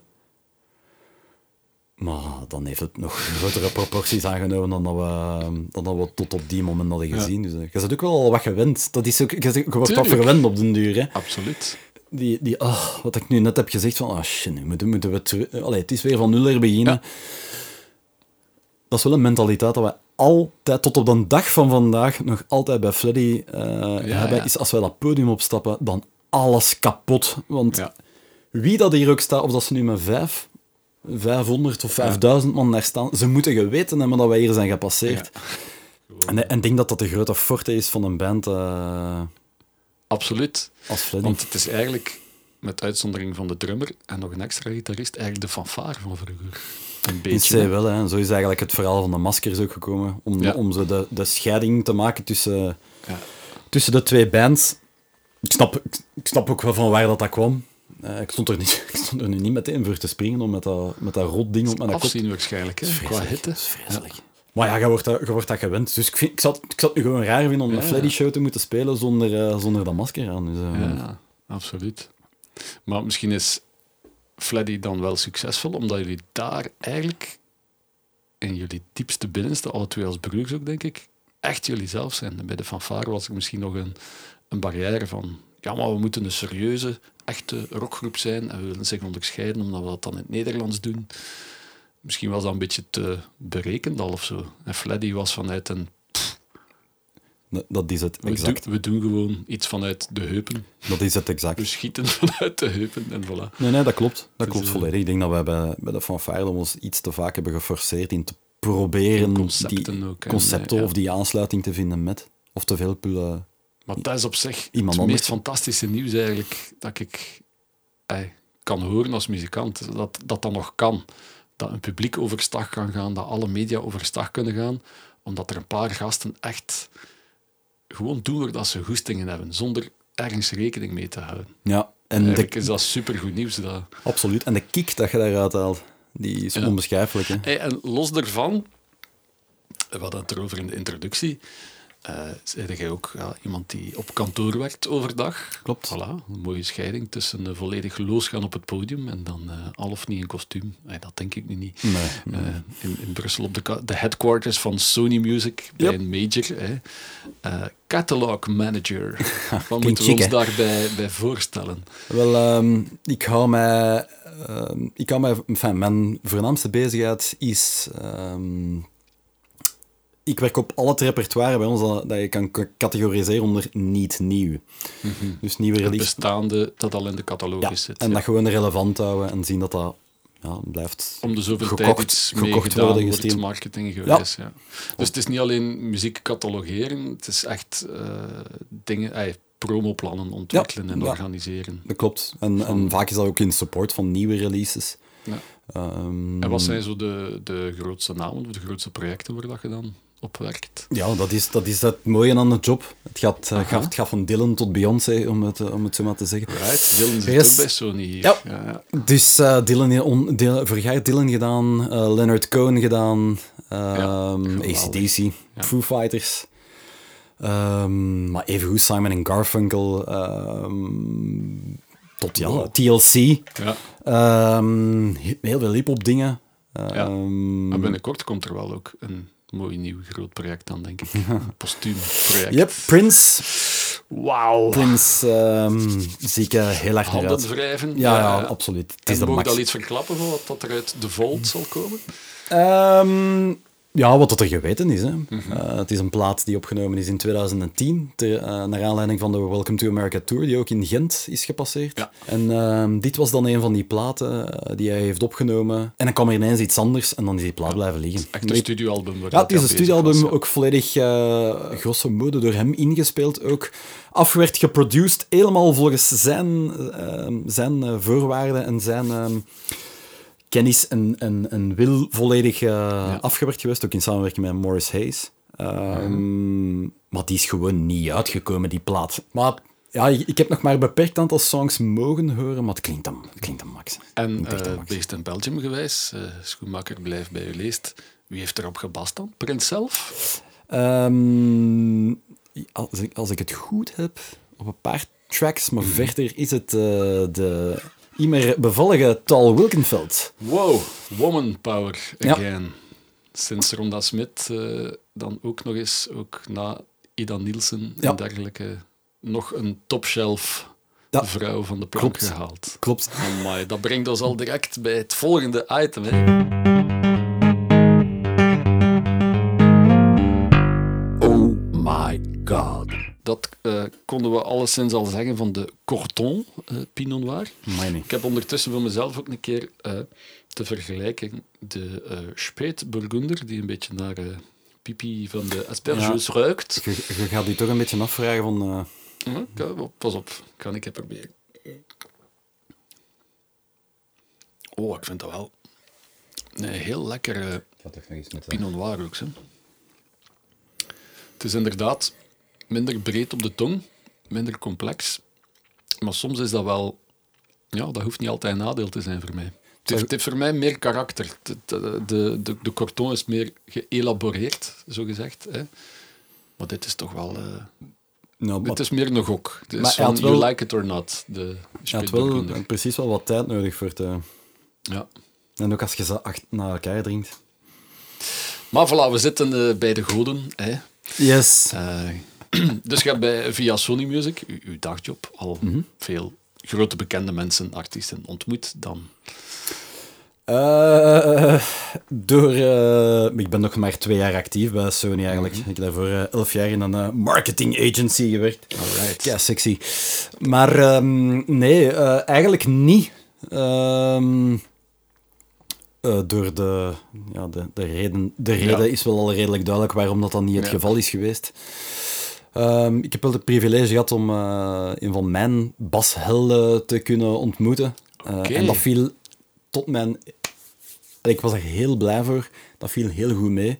Want ze zeggen altijd, never meet your heroes. En ik heb Ja, ik ging het juist vragen. Is het de meerwaarde van ze te ontmoeten soms? Ehm, ik heb het ene keer geweigerd. Allee, ik, ik was er ene keer blij over. Over het feit dat het niet kon doorgaan. Dat was eh, Les Claypool van Primus. ah ja, maar dat lijkt me toch wel een Ja, ja, kerel. Ja, allicht. Eh, en Axel Peleman heeft me er een keer over verteld. Die zijn samen op tour geweest, dacht ik nog in de Ja, tijd van Ashbury, Ashbury Fate. Fate in de 90s. En toen was ik van, ja, hier, en dan probeert die bas eens en je Ja, kunt en zo. En, en. De Carl, En ik vond Carl dat- Thompson baskets. Ja. En ik, allee, ja, ik, ik had liever zo'n beeld in mijn hoofd. En dat is, dat is tof. En, en ik ben een ongelooflijke Primus-fan. Maar Ja. ik denk, ja, ik had het gewoon zo. Voor mij is Les Claypool, Les Claypool. En we gaan dat... ja, don't touch it. ehm, En bij wie viel het dan wel goed mee nu? eh, Justin Chancellor van Tool. Oef. Ja, Ja. fantastische, hele, hele vriendelijke mens. Veel Ehm, van die metal dudes, hè. ze zien er soms schrikbarend uit. En, en dat zijn de meest beleefde jongens in de backstage Het is, soms. Hè. Het, het is een cliché. Allee, het, het wordt bijna een cliché. Ja. Maar zo- allee, ja, de vriendelijkste mensen zitten echt wel in de metal scene. Ja, hè. het is ongelooflijk. Hè. Niet te veel, eh, di- geen Qua- dikke nekken. Qua crew ook, hè. Ja, qua crew ook. Geen dikke nekken, wel heel uitgesproken meningen. En, uh, oh, je moet true zijn. En, eh, maar langs maar- de andere kant is het gewoon één bende. Altijd met veel respect voor iemand die anders denkt ook, hè. Ja, Ja, dat valt mij altijd wel op. Ook op festivals, als je zo met de, de zwaardere mannen in contact komt. ja. Die zijn zo ja, heel, heel eh, ja, beleefd opgevoed ook. ja, dat is niet bitsig ook niet. En dat is ook niet van... eh, maar die, die gaan hun eigen ding gaan doen en dat is niet beter als iemand anders. Ja, En ja. Dat, vind, ik- dat vind, ik daar heel, eh, vind ik daar heel aangenaam aan. Dus, eh, maar de metal dude, ja. Dat is nog wel een apart geval, denk ik, Justin Chancellor. Eh, ja, zeker. Die heeft ook eigenlijk een beetje een... Ja, Tool is al een beetje een genre op zich, denk ik. Eh, die heeft ook vanuit de bas gestuurd, is dat heel... eh, Dat is, man, man, er, er klinkt Hij maakt die muziek ook niemand, echt, hè? niemand als Justin Chancellor. Niemand komt zelfs niet in de buurt. Man, man, dat gaat door merg en been, die bassen. En zo luid. Luid! maar dat, je- ja, dan staat er daar wel als... Allee, je, je staat daar met een vertekend beeld als bassist, maar je staat daar... Oh, fuck, ja! Wauw! Holy shit, maar zoveel... Allee, ja, dat, ja dat, klinkt, dat klinkt fantastisch. En met dingen heb ik dat ook. Ehm, en da- daar neig ik dan persoonlijk, denk ik, als ik mij zelf bij, moet, moet vergelijken, qua livebeleving, qua manier van spelen, dat is, eh, dat is eh, Billy Gould van eh, Fate No More.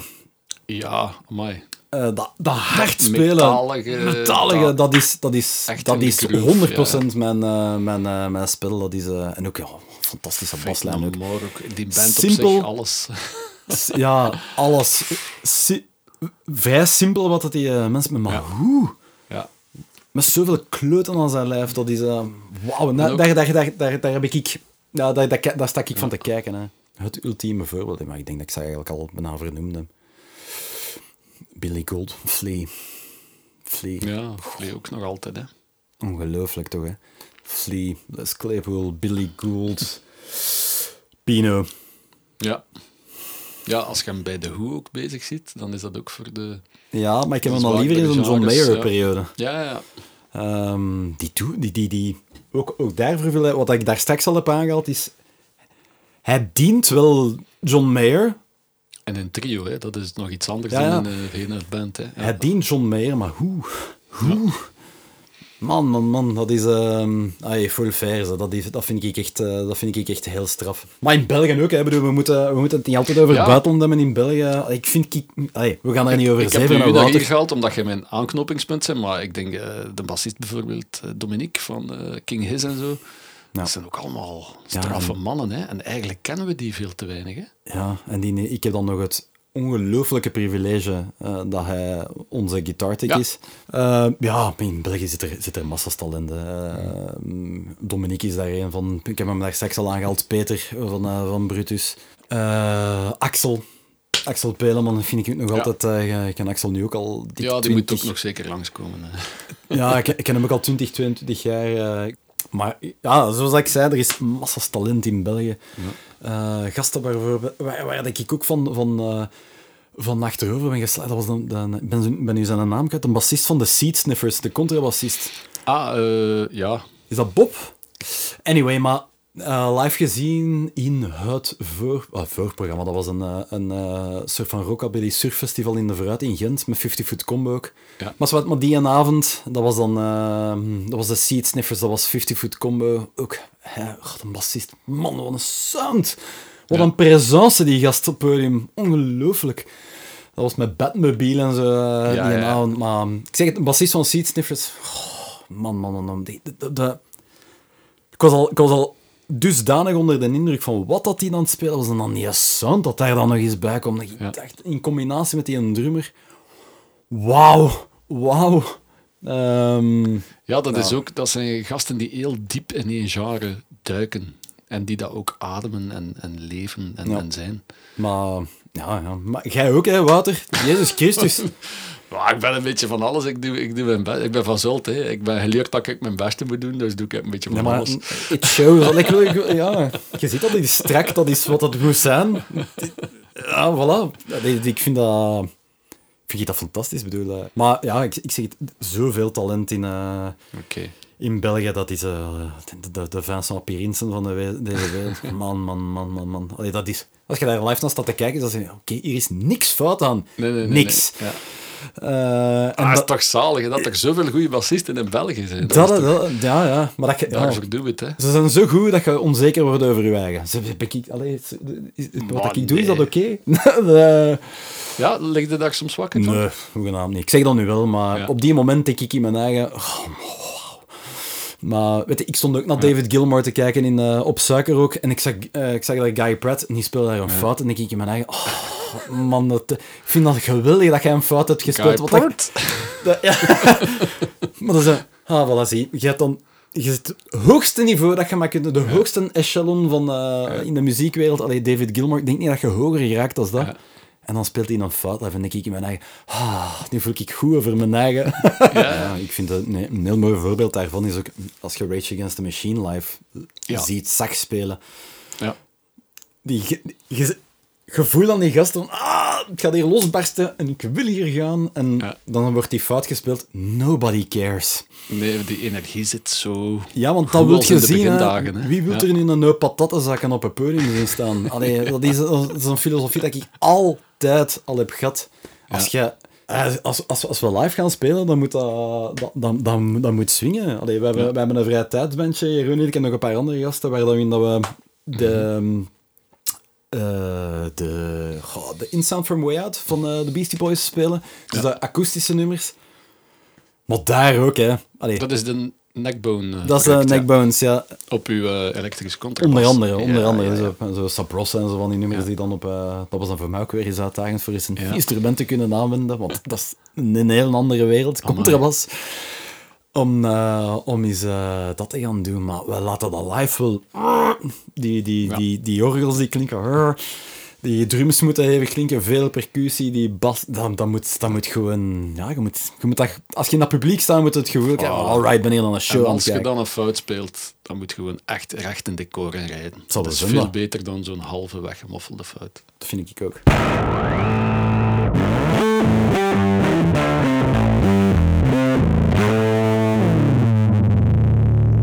sluts. Kamerlink, Gear is in het geval van de zwaardere genres misschien wel iets heel specifiek om over te babbelen. Of is dat heel relatief ook? Bestaat er iets als de metalbas of waaraan moet een basgitaar voldoen om toch wel de crispiness of de edginess die het eh, zwaardere genre nodig heeft? Er zijn een aantal zaken die het faciliteren. Ehm, een van die, eh, een van, als je die dingen gaat kopen, dan zit het waarschijnlijk wel goed ehm, in het eh, universum dat metal, waar het nog eens gigantisch breed gaat. Ja, ja. zo'n dark glass pedalletjes. Uh, Ja. daar, daar kun je weinig of niks mis mee gaan doen. Heel goede overdrives ook. Ja. is ook voor niet-metal te spelen eigenlijk. Ja, Heel warm ook. eh. klopt, klopt. Eh, maar voorts moet je, moet, moet je, je moet je eigen, je moet je eigen goesting vinden. Ja. Ehm, ik ben heel allergisch aan klinken als de rest. Mhm. Dus ik ga altijd... eh, Want refereert naar Korn, jaren 90. We komen direct uit bij de ja, 5-string, zelfs 6-string. eh dat is altijd wel een... Spalted Bubinga, eh, Ja, handmade guitars is- of de Ibanessen van Nee, deze wereld. Op dat vlak de- ben ik een beetje conservatiever. Ja. Het hoeft voor mij niet spalted maple en dat interesseert me allemaal niet. Ja, ja. Ehm, live, live zien die eh, instrumenten enorm af. Zeker Mhm. bij ons. Ehm, zweet, krassen. Allee, die, die worden zodanig veel in en uitgepakt. Dat moet tegen iets kunnen. Dus ik heb werkpaarden nodig voor, voor op te kunnen spelen. En ik heb daar wel lang in moeten zoeken voor dan mijn eigen ding te vinden. Los van het feit dat ik niet... Ja. Ik, ik wil wel... Ik, wil, ik heb wel iets in mijn hoofd, hoe, zo wil ik klinken. En dan ga ik wel het materiaal gaan gebruiken om dat te proberen verwezenlijken. Maar het, het, het doel blijft wel om niet te klinken als iemand anders. Ehm, je hebt een speelstijl ook, dat doet ook veel aan je sound. Ehm, Ik speel heel hard. Ehm, Maar lang niet alle metal guys spelen hard. Nee, hè? De heel nee. virtuoze, snelle Maar dat hangt- spelers hebben Nee. eigenlijk geen tijd om hard in de snaren te gaan. dat klopt. En heel veel van die gasten eh, spelen dan ook nog eens met hun vingers. Allee, ik speel Ja. met een plectrum. Sorry, bass community. I don't, I don't give a fuck.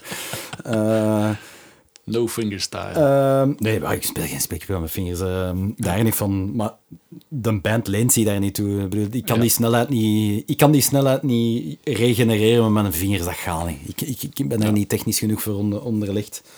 Maar Dus upstroke, downstroke, qua plektrumtechniek is dat wel voor u het middel om Ja. heel snel te kunnen gaan. eh, eh, ja, dat kan ik niet met mijn vingers. Allee, sorry. Hè.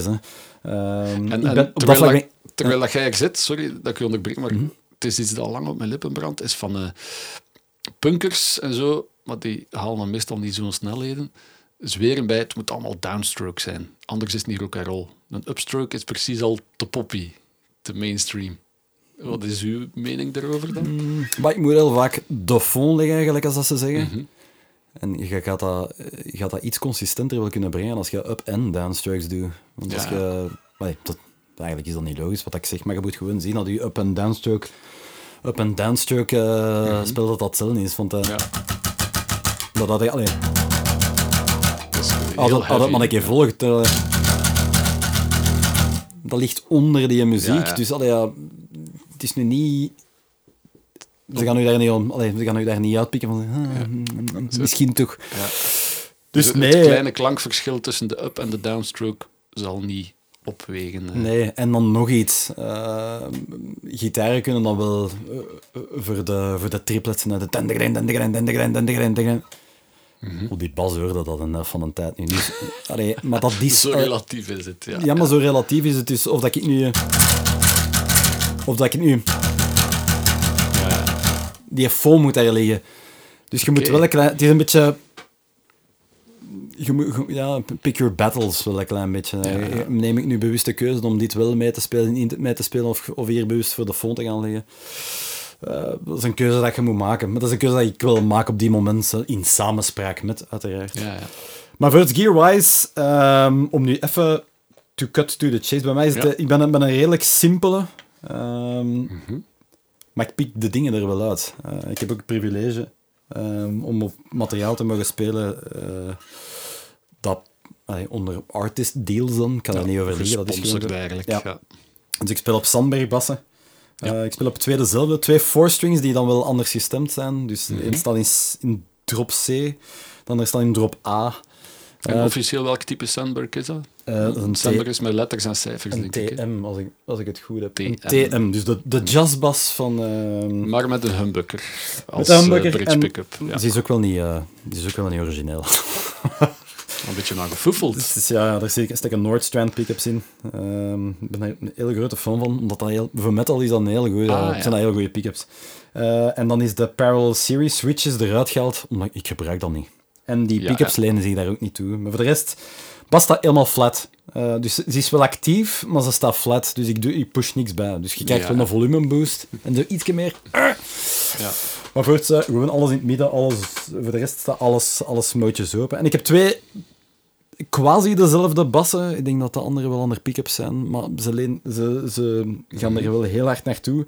Twee keer dezelfde bas. Waarom? Omdat ik dan live gewoon... Als ik, als ik dan wissel van... We moeten redelijk vaak wisselen van instrument.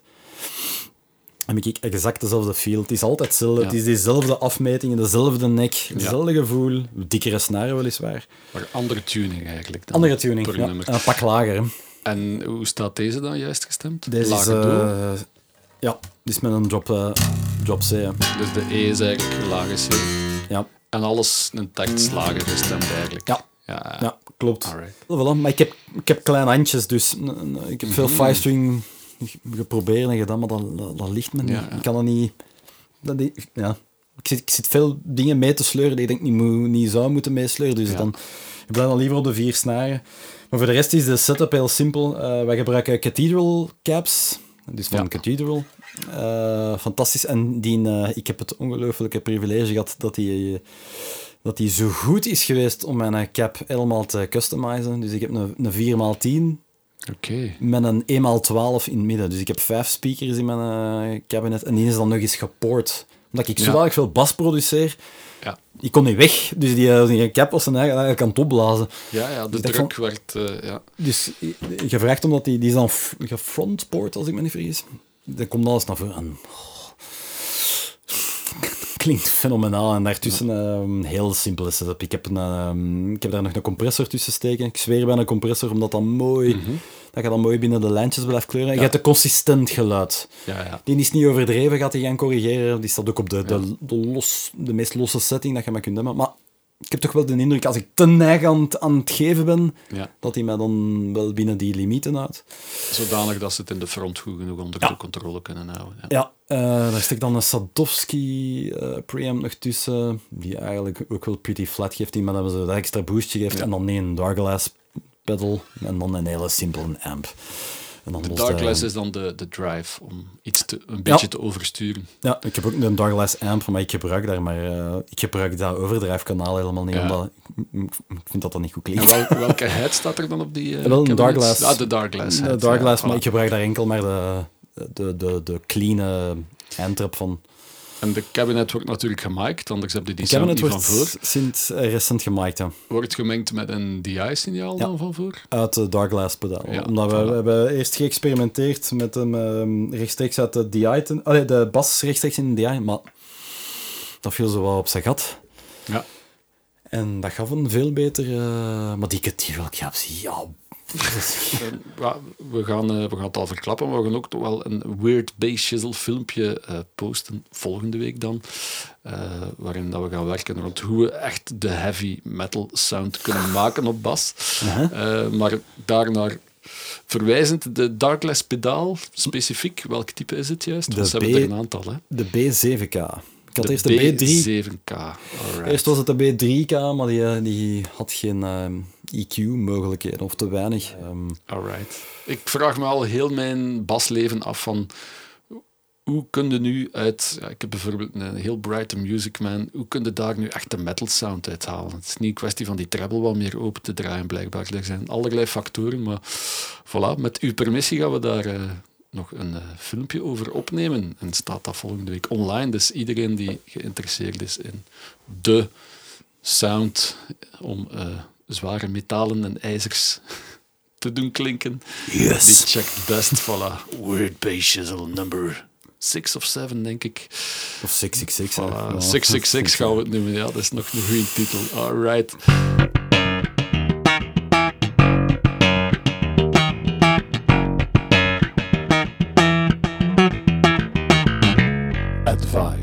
The young at heart. Advies voor de komende generaties, of de oudere generaties, die ook eh, voilà, plots naar metal willen switchen. Sieberend Kamerlink, we hadden het er al een beetje over. Hè. Energie geven en met de goede energie dus noods een fout spelen en de decor inrijden is veel belangrijker dan, dan de justesse. Dat is al eh, een mooie les, vind ik. Zijn er nog andere tips of adviezen eh, die je veil hebt voor mensen die... ja, iets heavier willen bassen. Ja. Uh, houd je spectrum open. Probeer je niet te limiteren tot één uh, genre, Mhm. want dan beperkt je je eigen in je mogelijkheden. Uh, ik ben ervan overtuigd dat er uit bepaalde elementen uit andere genres u ook wel zouden kunnen helpen binnen uw basspel in een ander genre. Ja.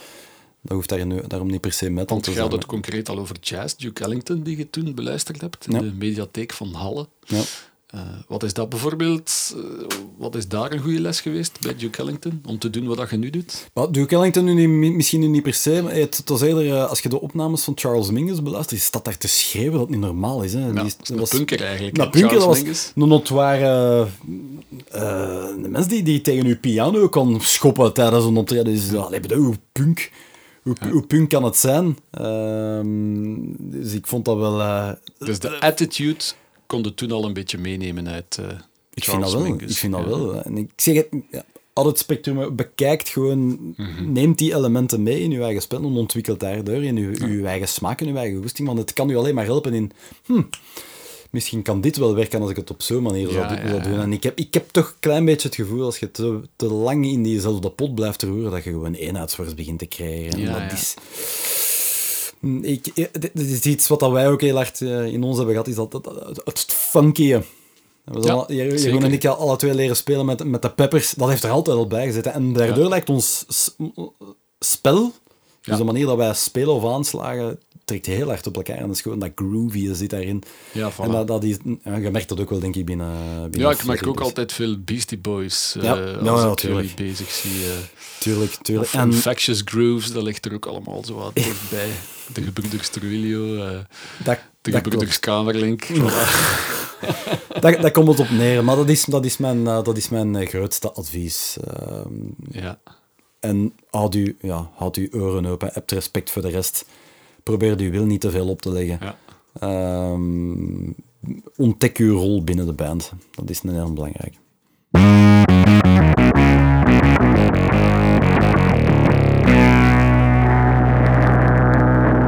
It takes two. Tijd voor een paar dilemma's. Heel Yes. snel kiezen, liefst zonder uitleg of Ja. een heel klein beetje om te Ja. nuanceren. Een P-bass of een Rickenbacker. Een P-bass. Alright. Toch niet Lemmy Nee. schatplichtig voor Nee. een Rickenbacker? Nee. Ik hou meer van de P-bass sound. Ah, Oké. Dan de Grand Cru de Corton 2014. Of toch de Spätburgunder. De Corton. Oké. French versus German 1-0. Een award voor Vlaamse Pavarotti of een award voor Catalog Manager van het jaar? Eh, doe maar nummer twee. Dat brengt de bokens op tafel. Ja, voilà, voilà. Je bent nog maar twee jaar bij Sony. Dus, eh, Het is dat. dan een hele moeilijke, denk ik. Korn of Fear Factory?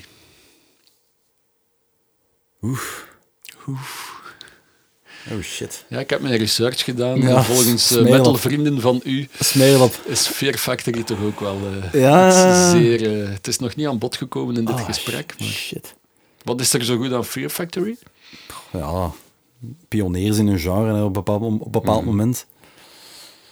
Eh, ik had ook voor Corny aan. Ja? Ja, omdat die echt wel de ban hebben gebroken. En Ja. die echt wel iets hebben neergezet in 94. Ja, ik doe toch maar Korn. Ja. Alright, Korn. Dan, eruit gaan met een knal, zoals Dimebag Darrell, of toch liever een rustige oude dag, zoals Urbanus. Doe maar een rustige oude dag. Yes. Liefst in het Pajottenland, En, ergens. en liefst met heel veel korton die tien jaar heeft gelegen. Of een goede geus. Of een goede... Eh, Don't get us started. Ja. Plectrum of Fingered? No-brainer.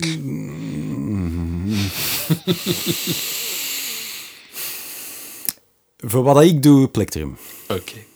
En de laatste. Dylan of Beyoncé? Nou, doe toch maar Dylan. Oké. Goeie smaak. Merci, Sibrin. Graag gedaan.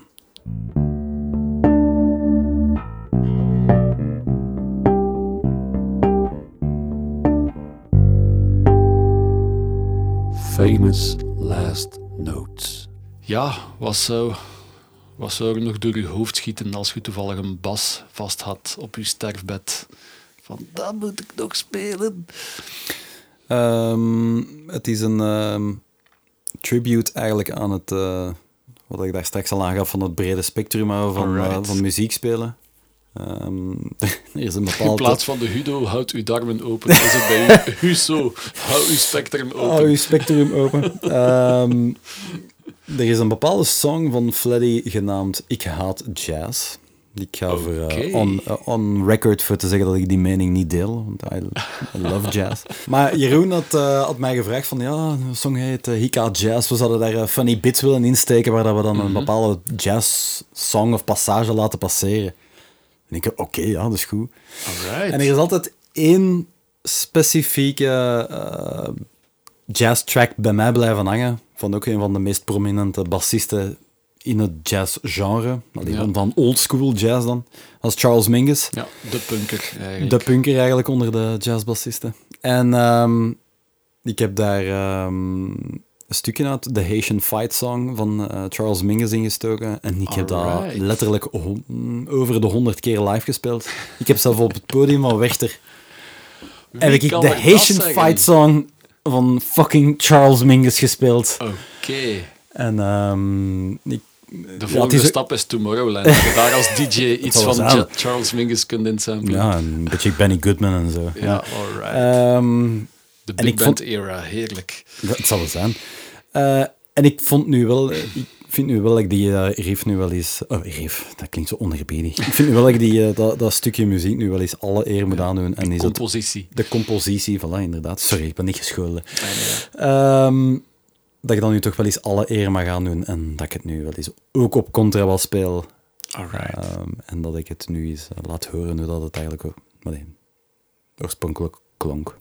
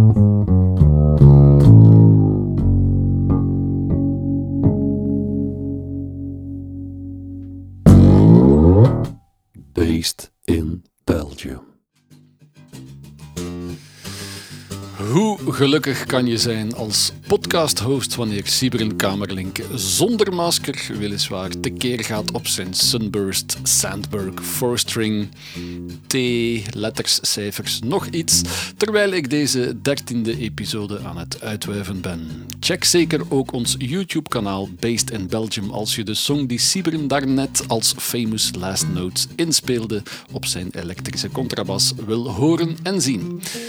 Wil je ook de blindfold test doen met de glorieuze Corton? Check dan zeker de achtergrondinfo op vitis.vin.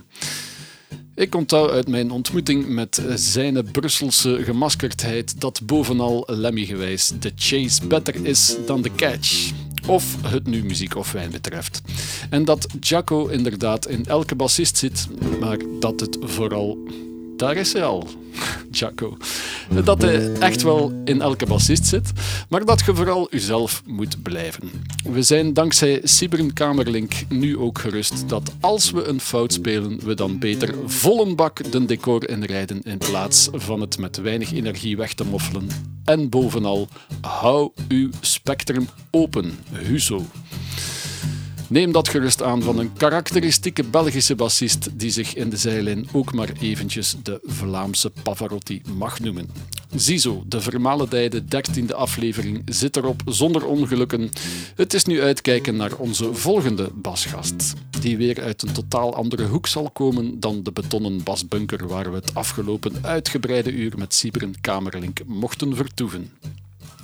Onze YouTube-reeks Weird Bass Shizzle krijgt een 666e episode die dankzij de gastbijdrage van Siberen weer eentje wordt om van te smullen. We gaan dus demonstreren hoe je je bas en versterker zo metal mogelijk kunt afregelen. Zoals we dit eerder bespraken, maar deze keer met beeld erbij. Take it from a pro, take it from Siberen Kamerlink. De bescheidenheid en menselijkheid zelf en leven bewijs dat metal dudes ongelooflijk lieve jongens zijn. Bedankt Siebren, bedankt Bernard van de Baar en bedankt jij daar, luisteraar. Chunk. Alright, merci Siebren. Alsjeblieft, schuidige merci. Santé met de kortom. Yes.